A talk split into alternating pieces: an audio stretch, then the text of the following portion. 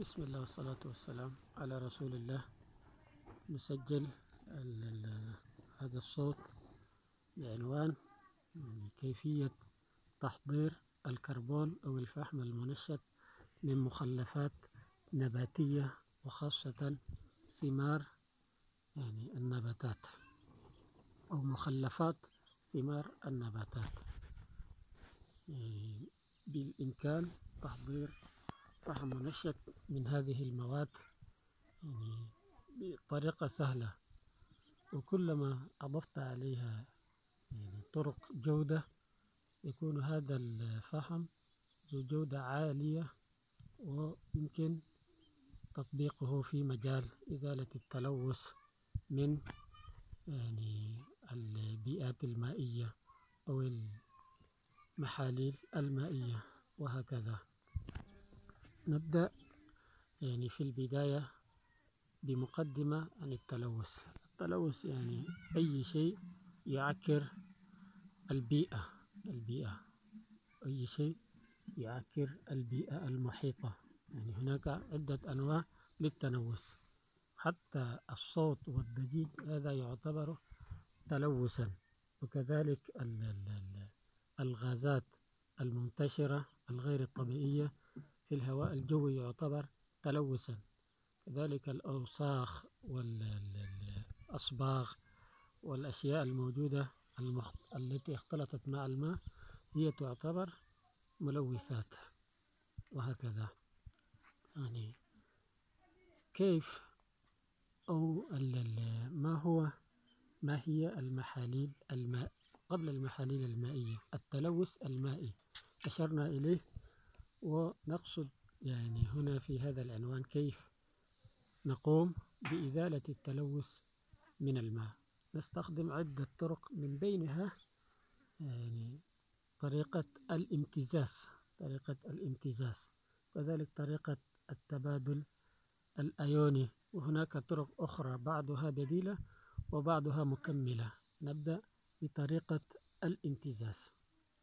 الامتزاز هو استخدام يعني مواد ذات مساحة سطحية مساحة سطح عالية ل يعني حجز الجزيئات الصغيرة التي تكون جزءا من الملوثات حجزها وإخراجها من الوسط المائي. من المواد ذات المساحة العالية يعتبر الكربون المنشط المنشط من ضمنها. يعني الآن ننطلق إلى العنوان الرئيسي وهو كيفية تحضير هذا الفحم أو هذا الكربون. يعني أولا أول شيء نقوم بإحضار الكربون وبعد ذلك نبدأ بما يسمى بالكربنة الأولية. الكربنة الأولية يعني الكربنة الأولية حاجة بسيطة وهي يعني تتلخص في تنقية الف... ال- ال- ال- تنقية يعني المخلفات وإزالة الشوائب الموجودة فيها. يعني نحن نريد يعني مخلفات نباتية صافية غير مختلطة مع مواد أخرى. وبعد ذلك نحاول في إزالة الرطوبة من الفحم في إزالة الرطوبة لا أقصد من المخلفات التي نريد استخدامها. يعني تجفيف تجفيف للمواد. يعني بعض بعض الناس يقومون بطحن هذه المواد قبل الكربنة. يعني قبل الكربنة يقومون بطحنها والبعض الآخر يقوم بالكربنة ثم الطحن. يعني الأفضل يعني كما جربنا في بعض التجارب الأفضل يكون شنو؟ في طحن أولي وطحن أخير. الطحن الأولي يكون يعني عن طريق طحن هذه المواد بعد تجفيفها تماما ويعني تحويلها إلى مسحوق وتحويله إلى مسحوق يسهل التعامل معه. نبدأ الآن بعملية يعني التحميط أو إضافة يعني قاعدة مثل هيدروكسيد الصوديوم وبعد ذلك ندخل في شكل معجون في فندق الحرق. فندق نستخدم فندق حرق يعني درجة ذو درجة حرارة عالية من 600 إلى 1000 ونوزن ونخلي درجة حرارة عنده 600 يعني في طرق كثيرة. هذا الطريقة في هذه الطريقة نستخدم يعني هذه الكيفية. نستخ... نوقف درجة الحرارة عند 600 ونغفل ونقفل الفندق تماما حتى لا يدخل فيه هواء. هذه العملية تتم في بيئة خالية تماما من الأكسجين حتى لا نحصل على رماد وهكذا. نحن نريد فحم صافي. ننتظر حوالي ساعة أو ساعة والنصف على حسب يعني المدة المحددة عندنا في الطرق, في الطرق أو في طريقة العمل. وبعد ذلك نفتح ونخرج.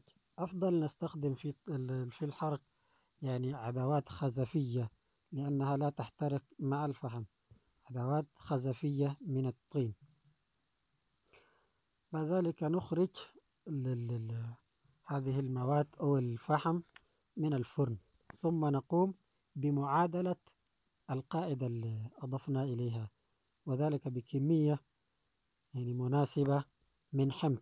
في البداية استخدمنا قاعدة والآن نستخدم كمية مناسبة من حمض. وبعد ذلك يأتي يعني هذه الخطوة يعني تسمى الكربنة الكربنة الثانوية. نقوم بغسل بعد بعد التعادل نقوم بالغسل ونستخدم فيه ماء مقطر نقوم بالغسل ونستخدم فيه ماء مقطر.